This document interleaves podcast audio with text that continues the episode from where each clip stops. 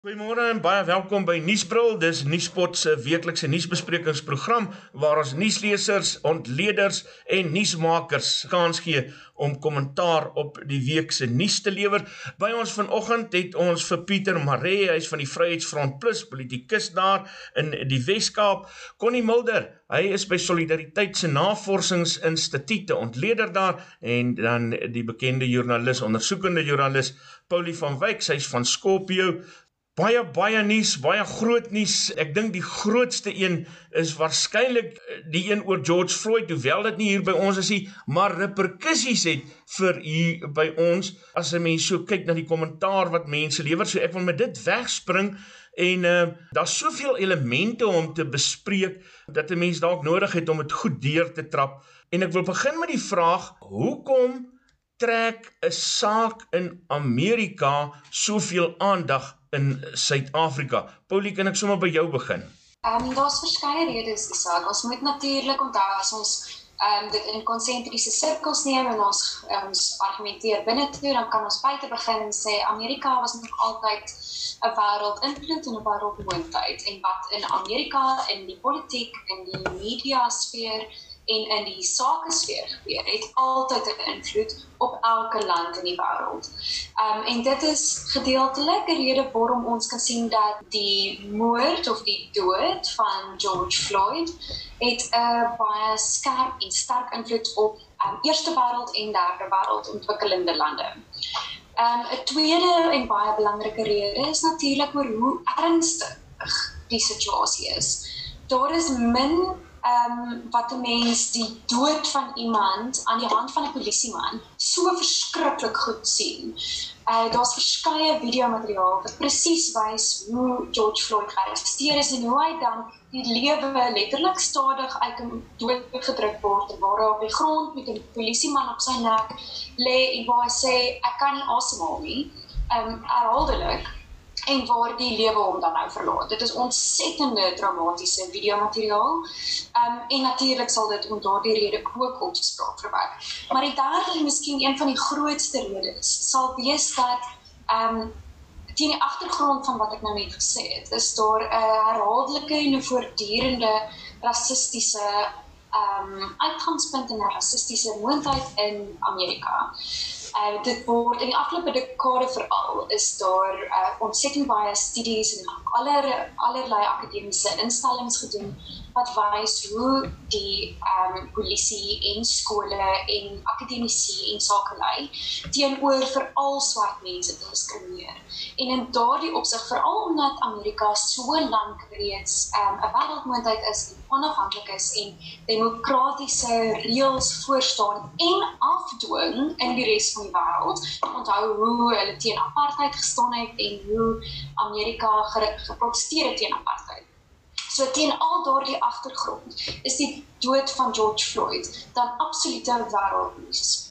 Ek gaan gou die ander twee eh, deelnemers se mening hieroor vra en dan kyk ons of ons dit verder kan ontleed. Kon nie jou mening hieroor? Um Isak man, ek dink dit is 'n uh, jy moet daar van klop as jy daai video kyk en nie dink maar iets is hier wesentlik verkeerd nie. Dis dis mos nou nie moontlik dat jy 'n uh, ou wat vir jou sê ek kan nie asemhaal jou nie goed op sy rug op sy nek aan nie. Nou dit is deel van die van die fenomeen wat tans in die gang is is um daar is geen ernstige politieke organisasie wat uh, pro hierdie polisieman is. Wat niemand soos deur deur deur in tyd. Almal het dit veroordeel. Um en dan is daar steeds hierdie betogings en nou blindery en eintlik maar ons uh, wetteloosheid in verskeie van daai stede ervaar. Die rede vir dit is nie noodwendig uh, George Floyd se sterfte nie, maar dit het baie meer te doen met die hele corona pandemie wat nou afgespeel het. Um van tevore was hierdie eintlik 'n gereelde verskynsel, al onder Obama was omtrent elke jaar een of ander vorm van 'n uh, protes teen polisie brutaliteit. Um, as jy dink dit begin met Michael Brown en Ferguson, dit was 2014, 2015, 2016, dit was al vir 3, 4 jaar nie weer sulke vlakke van opstande gewees nie. En nou sien ons dit nog erger. En um, wat ons sien altyd as jy hierdie tipe goed probeer verduidelik is uh wanneer 'n jong man se werkloos is, dan is daar wel daar wel of wel daar paar proteste en optogte. Nou die uh, Bureau of Labor Statistics syfers van Amerika wat uitgekom het dra eintlik vir dan waarom is hierdie so intens en dit sê vir jou dat werkloosheid het gedaal onder verskeie groepe maar onder jong mans van alle rasse nie en ehm um, daai sal vir jou voorstel jy het 'n klomp mense wat werkloos is, wat gefrustreerd is met die situasie wat ekonomies baie moeilik om te doen. En wat jammer is, dat dat wat 'n wettige of 'n breedsame protes kon wees, is nou 'n soort van gekaap en dit verdwyn. En die ding wat vir my wel meer van belang is, en Paulus reg daar, Amerika is basies ons Rome en as Rome brand dan word die wêreld vol as. Dis waar dit werk. So ons sien dat hier weerspieël. Dit uh is nou vir my interessant hoe dit hier uitspeel. In Amerika het jy 'n uh, minderheid wat die swart minderheid is wat voel hulle word onderdruk deur die meerderheid, die witheid. En dan daar het uh, ongeag watter data jy het, daar's wesenlike werklike persepsie ten minste en werklike verstaan en narratief dat die swart minderheid onderdruk word deur die wit meerderheid. By ons het jy nou die swart meerderheid wat die regering is wat nie verstaan in daai prentjie. Hulle is die ouens teen wie betoog word. Hulle is nie die ouens wat die betoging lei nie hulle gaan nie die ouens wees wat voorloop met hierdie optog nie. Um hulle is die polisie en jy het hierdie fascinerende denksprong eintlik gedagte gimnastiek waar die ANC nou George Floyd te dood veroordeel en dan kon ons Khoza se dood veroordeel nadat hulle hom veroorsaak het en skielik is hulle verontskuldig van hierdie hele situasie en dan natuurlik die siniesheid net agter 3 weke nadat jy 'n uh, baie erger situasie gehad het. Uh, George Floyd is deur die polisie ontbied deur 'n kassiere, en daar's 'n klomp ander goeders. Jy het vir Kolos Kolos aan sy erf gaan haal en hom daar doodgeslaan. Hy het niks fout gedoen nie. Hy was nie eens besig om krimineel op te tree nie. Um daar's geen rede die polisie het ontbied so toe hulle was net daar. Um om nou sinies hier te kom 'n hele veld toe geloods wat sê ons gaan uh, uh namens Amerikaners um optree teen rasisme. Hulle het self hier toepas. Dis ongelooflik. Dis my fascinerend. Die opportunisme is my regtig skriwend en dan natuurlik die die siniesheid van sê um, ons moet nou almal hier teen opstaan maar ek dink nie ek kan regtig niemand ernstig ontmoet of dink wat pro dit is nie. Dan wat in Amerika moet moet gebeur rondom hervorming is nog bietjie vaag, dis moeilik. Um die die ek ek weet een verskil wat ek optel tussen die 1968 Martin Luther King beweging en hierdie is hulle baie duidelik uiteenkom sit hierdie is die goed wat moet verander. Dan as jy op Black Lives Matter se webwerf gaan kyk, dan is dit 'n uh, baie vreemde amalgamasie van sistemiese rasisme in die wêreld moet val. Maar daar's niemand wat sê rasisme in die wêreld moet aangaan ja, daar dalk 'n paar, maar um geen ernstige akteur wat pro dit is nie. So die vraag is nou, hoe gaan jy hierdie energie wat jy losgemaak om actually in aksie omskep? Bevrees dit lyk of hulle nie noodwendig lekker dit neergesit kry. Dis kommerwekkend, maar dan gaan die ding uitgaan dan gaan hy fizzle en as ek nou nie weer optel, dan gaan hierdie optog nie weer. Verkeersboetes behels meer as 'n klein ongerief met minimale gevolge. Jy kan 'n kriminele rekord kry of probleme teekom as jy jou rybewys of motorlisensie hernie en die metropolisie kan jou by padplakkades lastigval om die boetes te betaal. Fines for you vir minder moeite met verkeersboetes deur hul te monitor en vinnig, wettelik en effektief af te handel sodat jy nie die ongewenste gevolge hoef te dra nie. Ons spesialiseer in groot vlote en streef daarna om jou geld te bespaar. Kontak ons gerus op 011 867 7331 of besoek ons webtuiste by www.finds4u.co.za. Ek wil eers met nou oor daai energie gesels want ek dink dis nogal 'n interessante verskynsel die die energie wat uh, sonder 'n georganiseerde poging agter dit losgemaak is. Hoe beheer 'n mens dit of hoe waartoe gaan jy met dit? Maar ek wil net eers by Pieter hoor. Pieter, so inleidende opmerking van jou kant af oor die saak ja, ek wil tot 'n groot mate met Connie saamstem maar. Maar kyk, die dood van uh beide George Floyd uh en Collins Khoza uh van Suid-Afrika moet veroordeel word. Dit was afgryslik. Vreed, is onwettig. Dis teenstrydig met beide lande se akte van menseregte.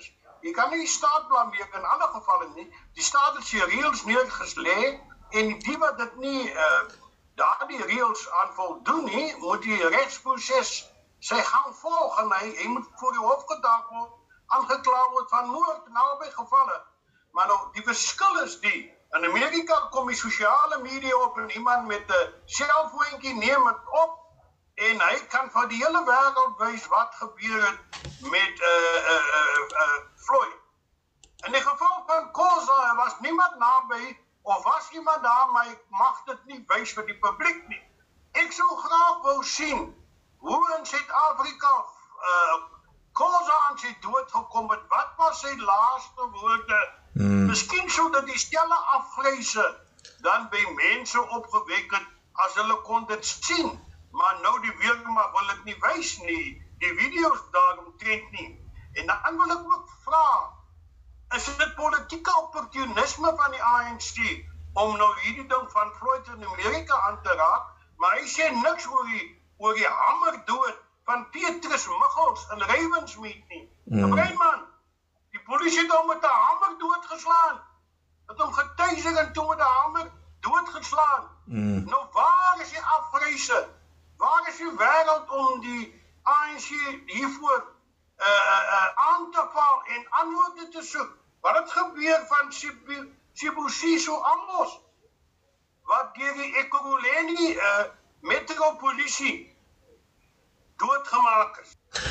Hoekom word niks daarvan gesê nie? Ek ek ek sê ek veroordeel die moorde. Mm. Wat ek vra is is die staat verantwoordelik vir daai moorde of is dit individue se se manier van nie gehoor gee aan die landswet en aan die grondwetlike regte van die mense nie.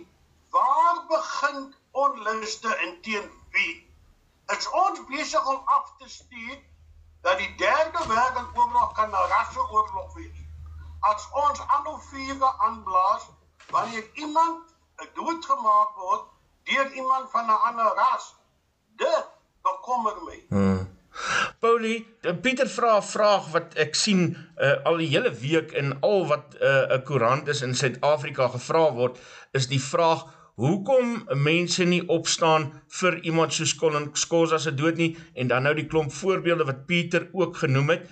Is dit 'n vraag om te vra? Hoekom word die vraag gevra en hoekom is dit so dat ons nie op dieselfde manier of die, of dit Suid-Afrikaners nie op dieselfde manier uh, reageer as wat hulle tans op George Floyd se dood reageer nie? Die saak mense moet ook bietjie verder lees en verder dink en uh miskien baie meer lees as 'n mens sulke uitsprake wil maak want is eintlik glad nie waar nie. Daar was hofsaake oor Khoza.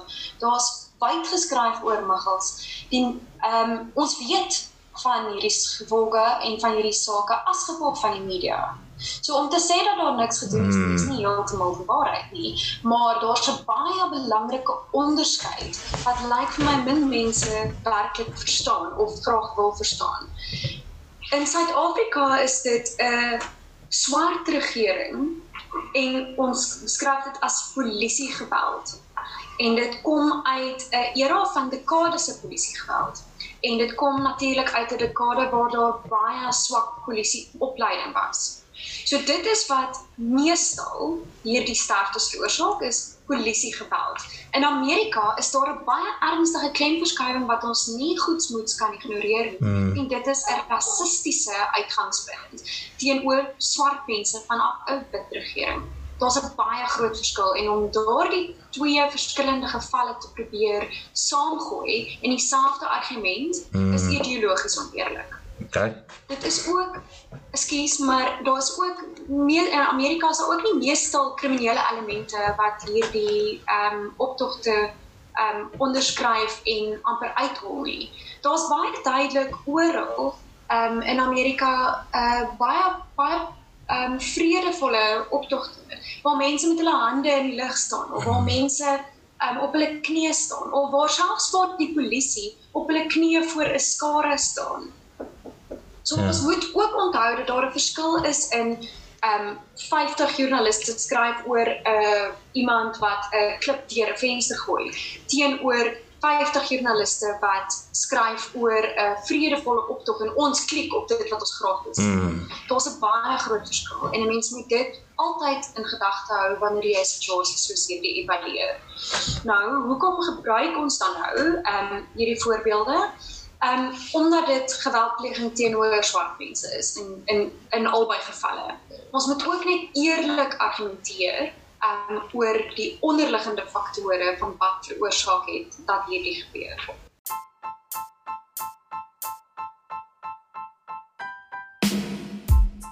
Plaas jou geld sake in die hande van Nandi Erasmus, 'n geregistreerde finansiële deskundige by Sanlam. Haar dienste sluit in omvattende finansiële beplanning, beleggingsbestuur, welvaartskepping, boedelbeplanning, sakeversekering en koopooreenkomste. Bel haar vandag nog vir deskundige finansiële advies by 082 569 1948 of stuur 'n e-pos na nandi@sanlamforyou.co.za. Ek wil graag vir Paulie van Wyk nou oor hierdie dinge bietjie aanspreek. Ek praat van die politieke opportunisme van Suid-Afrikaners om te hulle te bekommer oor wat in Amerika aangaan. Sag ek sien nie optog oor 'n breinman wat vermoor is in Reymondsmeet nie. Antwoord my daarop by vraag. Hoekom is daar nie optogte nie? Waar is die duisende mense wat saamtrek in die strate marseer omdat 'n brein of 'n wit boer vermoor is hierso? Is dit rassisties? Wanneer 'n swart man 'n wit boer vermoor, is dit rasisme. Maar dit word onder die dekmantel van gewone misdaad beskryf. Niks rasisme nie. Hulle sê dit is gewone misdaad. Pieter, Maar wanneer 'n swart man, 'n bruin man, 'n wit man vermoor, dan is dit rasisme. Verduidelik dit vir my, Paulie. Pieter, jy sal nie hoor dat ek met jou verskil op die punte nie. Jy dit dit was glad nie wat ek gesê het nie. Wat ek wel gesê het is dat ons die werklike faktore moet verstaan. En ons praat nie nou van plaasmoorde nie. Ons praat van Collins Kosa en ons praat van George Floyd. As ons die gesprek wil verbreed, dan praat ons oor totaal iets anders. Um, en dit is nie vandag se gesprek nie. Ons kan altyd so toe gaan, maar dan gaan die redes weer verskil. So die redes waarmee ons nou besig is en wat ons nou probeer interpreteer, is het niks met plaasmoorde uitgaan nie. Kom ek gaan na Connie toe. Maar jy sal nie hoor dat ek van jou verskil oor die Suid-Afrikaanse regering se opportunistiese manier van 'n uh, situasie uitbuit nie, want ek dink jy's reg. Connie, ek wil na jou toe gaan. Die gesprek is lekker so, maar ek sal hom graag wil laat aanbeweeg. Ek lees 'n interessante storie van die dood van Amadou Diallo in 1999 toe die polisie hom 41 keer geskiet het. Die Amerikaanse sanger Bruce Springsteen het 'n liedjie daaroor geskryf, 'n uh, American Skin 41 Shots. En wat toe gebeur het is dat die polisie vakbond toe gesê het, "Hey, kom ons boikot vir Bruce Springsteen." Nou die rede hoekom ek dit noem is uh, ek lees dat polisie vakbonde in Amerika het glo 'n geweldige mag oor politici. Is dit dan soos Paulie hier sê ook 'n kwessie van rasisme of is dit 'n mengsel van die twee wat 'n uh, oorsaak is in Amerika se probleme? Jong, ehm um, Amerika se probleme is baie groter en glad nie so eenvoudig nie, omdat dit staat vir staat is of homself staat vir staat. Ehm um, Minneapolis se polisiehoof is 'n swart man wat ook was aangebring is om hervorming reg te kry. Dis sy polisielede wat dan nou rassisties opgetree het as jy so wil sien of net swak opgelei is en polisie brutaliteit uitgevoer het. Um uh, in ander stede is dit beter, in ander minder beter, maar dis die doel, doel van 'n federale stelsel is dit word nie van een sentrale punt af beheer nie. En polisievakbonde is in sekere areas groot groot issue waar hulle jou kan uh, net sê ons gaan dit doen julle nou in Buffalo byvoorbeeld uh, bedank toe uh, daar video materiaal uitkom van twee polisiemanne wat 75 jarige betoger stamp omstamp om weer van 'n vreemde rede. Ehm um, maar dan het jy ander plekke soos Flint waar hulle nou weer vol saamwerk en sê maar ons wil saam met die gemeenskap hier werk.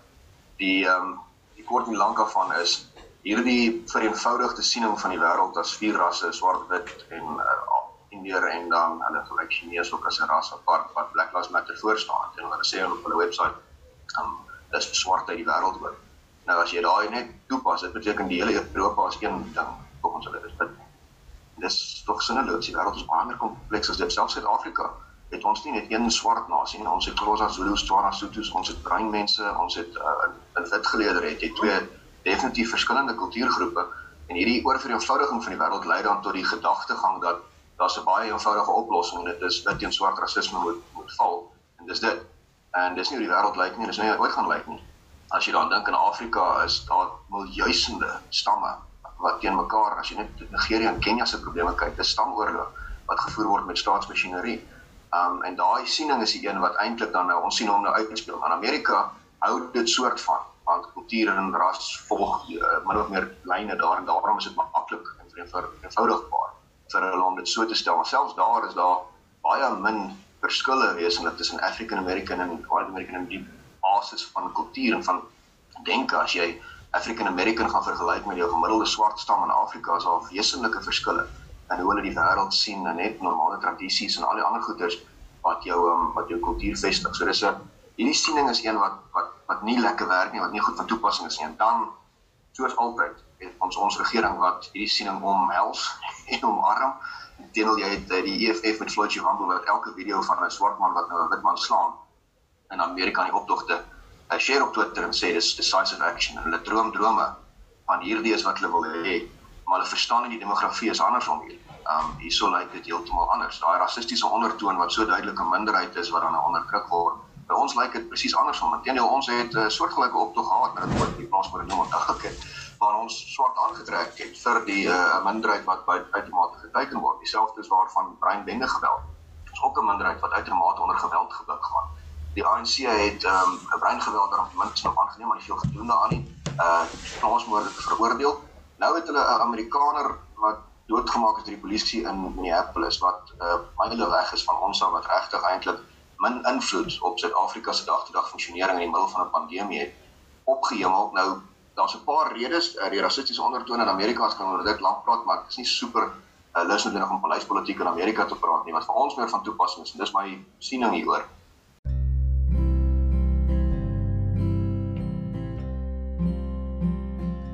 Country Meat Linden verkoop nie net vleis nie, hulle is gek oor vleis. Daarom kan jy hulle vertrou vir gehalte vleisprodukte soos beesdroewors teen R199.95 per kilogram. 2 kg pakke beesmaalvleis teen R74.95 en lamschops teen R189.95 per kilogram. Bel 011 888 0201 of Uber Eats om jou vleis tydens die inperking te laat aflewer. Ek dink daai hofsaak wat die regulasies origineel verklaar het is waarom hierdie veld tot verloots is. Eenvoudige rede die ANC was in 'n borrel. Hulle was as jy vir Ibrahim Patel gesien het, hulle het hulle droom geleef. Hierdie was wat hulle wou gehad het. Hulle het regulasies afgekondig, maar hulle het nooit meer die terugvoer gekry wat hulle gewoond aan is en hulle was onder die indruk die hele land is met hulle. Terselfs met die rookverbod as jy gaan dink die hele land is aan hulle kant. En skielik toe daai hofsaak uitkom en die reaksie is oorweldig positief vir die twee sê hulle maar is in die moeilikheid en hulle gaan polities skade ly deur hierdie lockdown. Dit gaan dit gaan geseer maak. En dan trek hulle die een oplossing. Dis wat werklik teleurgestel is in president Ramaphosa. Dis die goedkoop oplossing is om rassepolitiek en sonnebolpolitiek te trek. Die EFF doen permanent. Pieter kom gerus in. Mag ek jou vra vra ek wil nie onder onderbreek nie sien jy in Pauli 'n verskil tussen etnies op etniese geweld as 'n Zulu en 'n Khoza beklei oor hulle etniese verskille het en as 'n wit en 'n swart met mekaar beklei. Wat is die verskil tussen rasisme en etniese ismes as ek dit sou maar stel?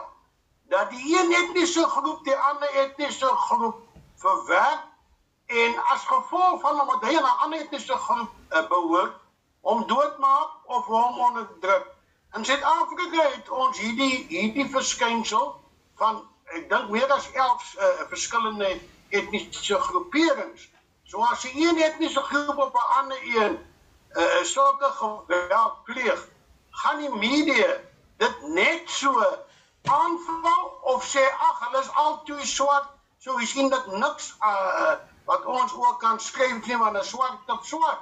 En alhoewel dit miskien Khoza op Zulu is of Zulu op Pondu of Pondu op Venda, kyk ons dit mis. Mis ek in hierdie prentjie?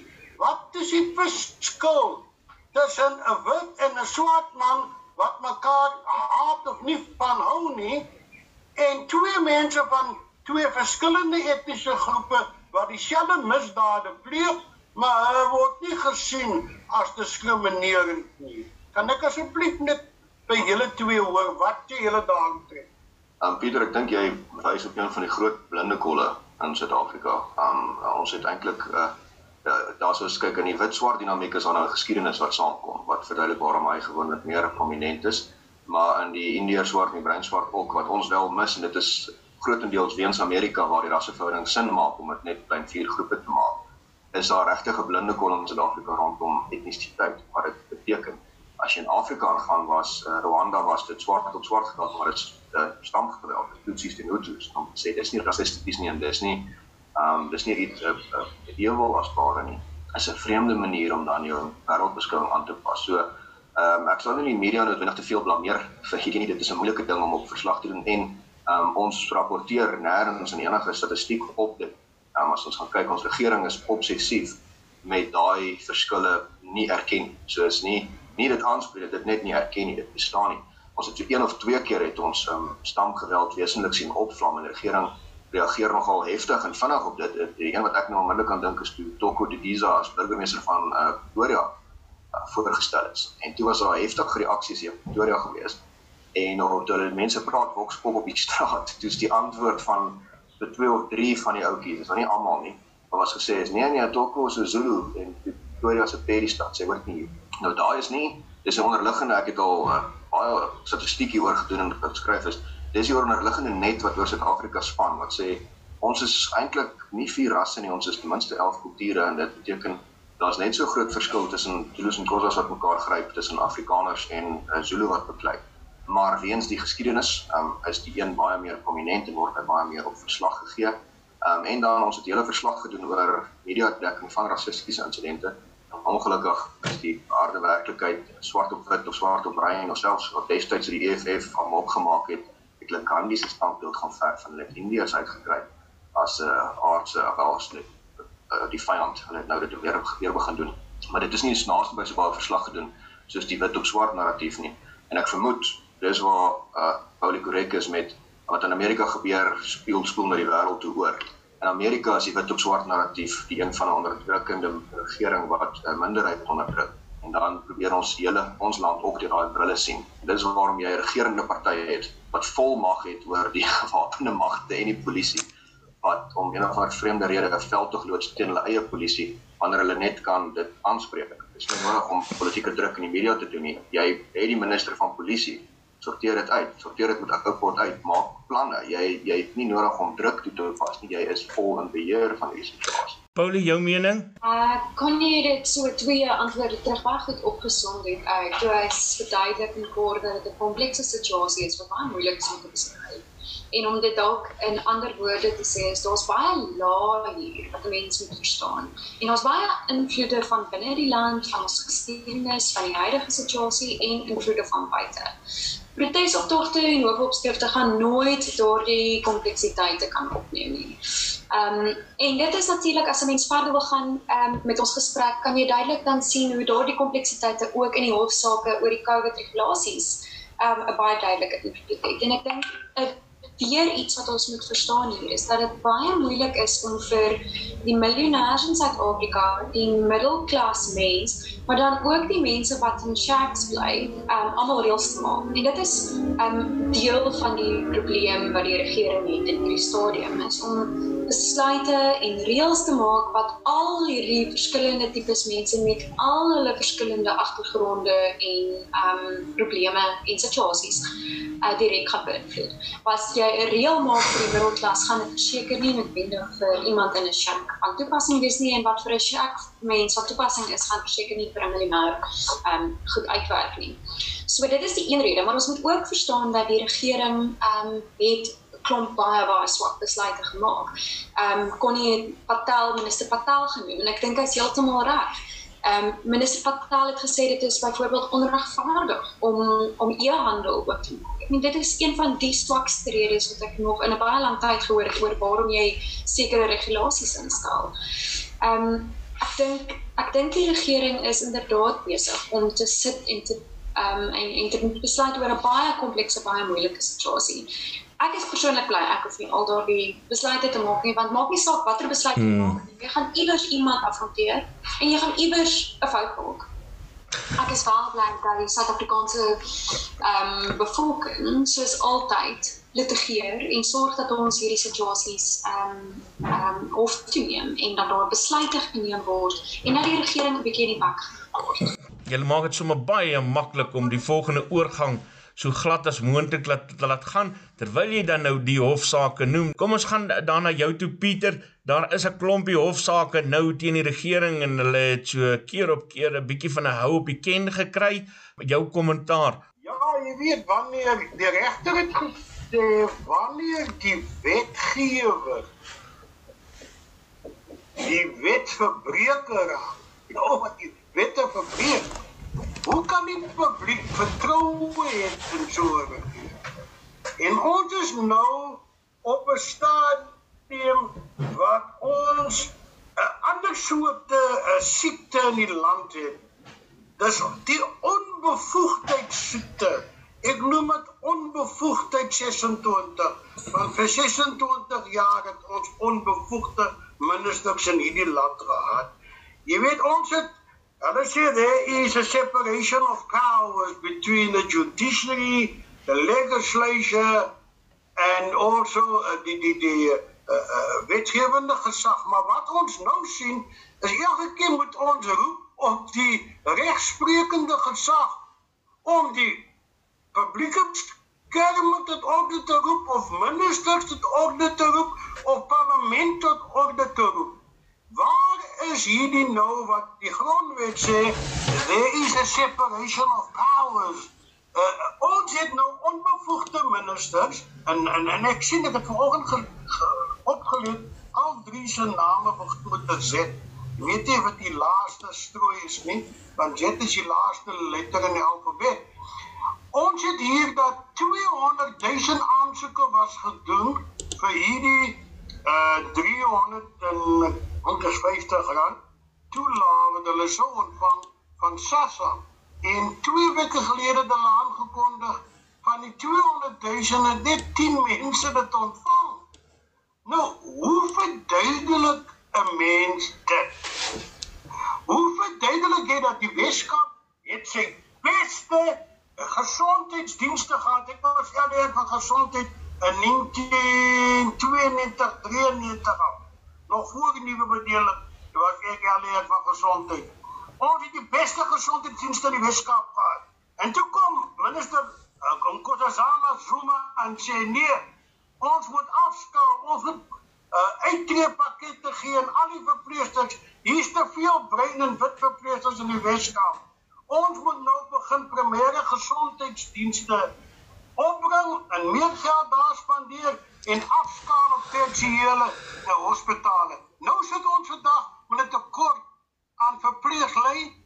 Ons doen nie meer uh, mediese navorsing nie. Daai begroting is gesny. Ons moet nou by China hoor hoe moet ons hmm. die epidemie beveg?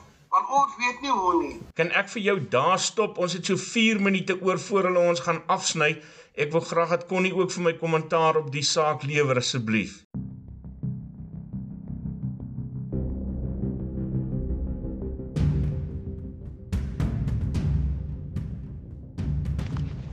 Krisistye vra krisisbesluite en krisisbesluite moet lei tot oplossings binne 'n tyd van opdraandes en uitdagings. Solidariteit help in hand is gewoond daaraan om krisistye en krisisbesluite te oorkom met besluite wat lei tot oplossings. In hierdie koronakrisis het ons die Josef Silo krisis besluit geneem. Dis 'n projek waar ons in 'n gesindheid van help mekaar Josef Silo's reg oor die land ingerig het.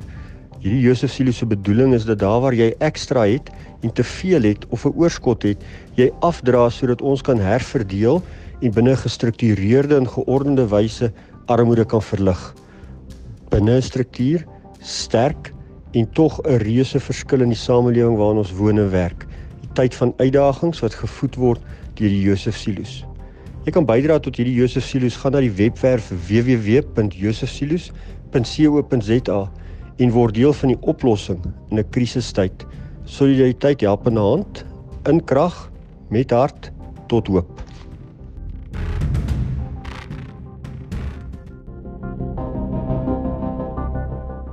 Um, Isak, jong. ek dink dit was altyd op pad is 'n uh, eh, wanneer jy aanvoer dat warm hoender 'n plaagdraer is in terme van corona, dan is jy daarom aan 'n vreemde plek soos wat minister Patel was. Um, Veral as jy in ag neem Amazon het oor die 100 000 mense aangestel weens verhoogde aanvraag. Minister Patel by ons laat dit nie toe nie want dis onregverdig. Um, nou dis smal, dis myle verby wat die ramp uh, toestand jou toelaat in ieder geval. Maar die probleem is reg dat jy kan nie besluit neem nie. Jy hoef nie jammer te voel vir en dit is wat hulle wil doen is onmoontlik om van een sentrale punt af hele Suid-Afrika te regeer kan dit nooit werk. Dit sal nooit kan werk. Dit is te kompleks, te diverse land. Wat my bekommer daaroor is dat ons het eintlik federale strukture wat hierdie moet kan handhaaf en hulle het nooit nooit gebruik steeds nie. Ons skuif die hele land vlak 3 toe af gelyk wanneer dit nie sin maak nie. Plek was plekke in die Noord-Kaap waar daar geen aktiewe gevalle is nie. Maar daai uh, haarkappers moet toe wees om vreemde omdat iemand in Pretoria siek is. Nou dit maak mos geen sin sin nie. Um, hier is 'n komplekse land en om dit uh, probeer so bestuur is steurend. Wat wel vir my interessant is, is um as jy nou na die afgelope 25 26 jaar kyk, dan het ons was basies op 'n boot gewees en ons het 'n kaptein en 'n kapteinspan wat letterlik elke liewe klip probeer raakry en wat hier teen die einde begin aktief gate in die boot slaan met 'n hamer.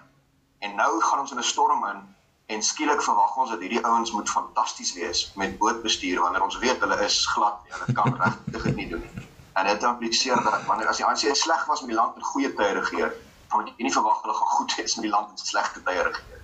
Dit gaan glad nie gebeur nie. Ehm um, wat ons sien is ons sien 'n lomp instrument en ons sien werklike onbevoegdheid. En dis die deel wat my dalk die meeste steur. Dis die, die voor die ANC se 10, 15 jaar terug was, kyk ons het nie met hulle saamgestem maar daar's ten minste 'n diepte van denke. Nou het jy uh, jy 'n nuwe Zulu wat opdaag in 'n in 'n kamofleerpakkie en dan goed opmaak op die media konferensie jy het 'n uh, eh, Patel wat gered moet wees. Dink ons is aan met Lamine Zuma na die tyd nadat hy warm hoender verban. En Bekkie Cele wat 5 of 6 keer vir ons sê ons mag nie met ons honde loop nie, maar nie verduidelik hoe jy by die supermark kom. Die eerste dag as jy wil kos koop nie. En dit is net hierdie onbevoegdheid wat ons sien en dit dit ongelukkig lei na 'n uh, eh, afwenteling van mag outomaties na gemeenskappe toe, na gemeenskapsstrukture en dit is waar ons aanhou gaan sterk raak in hierdie maak. Paulie, jy het jy het so 'n minuut om die heel laaste woord te mag spreek. Ehm um, ek dink die belangrikste ding dalk ter afsluiting is om te sê dat die regering verdien waarskynlik meeste al die kritiek wat hulle toekom. Maar dit is wel ook altyd goed om jou blik baie ras die Suid-Afrikaanse landskap te gooi. Ehm um, die res van die wêreld sukkel ook. Die Skotte het ek lekker voor gelag want hulle het regulasies uitge uitgestuur dat mense mag maar by mekaar kan kuier, maar die gaste moet die kos bring en die gaste mag nie die binne toilet gebruik nie. Dus dit is die van die absolute goed wat ek nog gehoor het, van dit is daar's geen verstaan van hoe COVID oorgedra word in daai reëls nie. Die tweede ding is Engeland wat die bastion van eerste wêreld lande is volgens Suid-Afrika is uh, kan nie vir ons sê hoeveel mense dood is nie. Hulle het hulle het minstens 20000 sterftes onderverklaar. So die wêreld sukkel met 'n baie moeilike probleem waarvoor niemand reg was nie. In Engeland moes die die mediese personeel met swart sakke werk omdat daar nie genoeg ja. ehm ja. um, PPE personal protective equipment was nie. So ja, ons verdien al die kritiek en ons moet beter doen en ons kan beter doen. Maar is nie net Suid-Afrika wat se. Dis Paulie van Wyk, ondersoekende joernalis by Scorpio, Daily Maverick wat so praat. Jy het ook geluister na Connie Mulder, Solidariteit Navorsingsinstituut en Pieter Maree van die Vryheidsfront Plus. Jy het geluister na Nuusbril, dis Nuuspot se weeklikse nuusbesprekingsprogram. My naam is Isak Du Plessis. Goed gaan tot volgende week.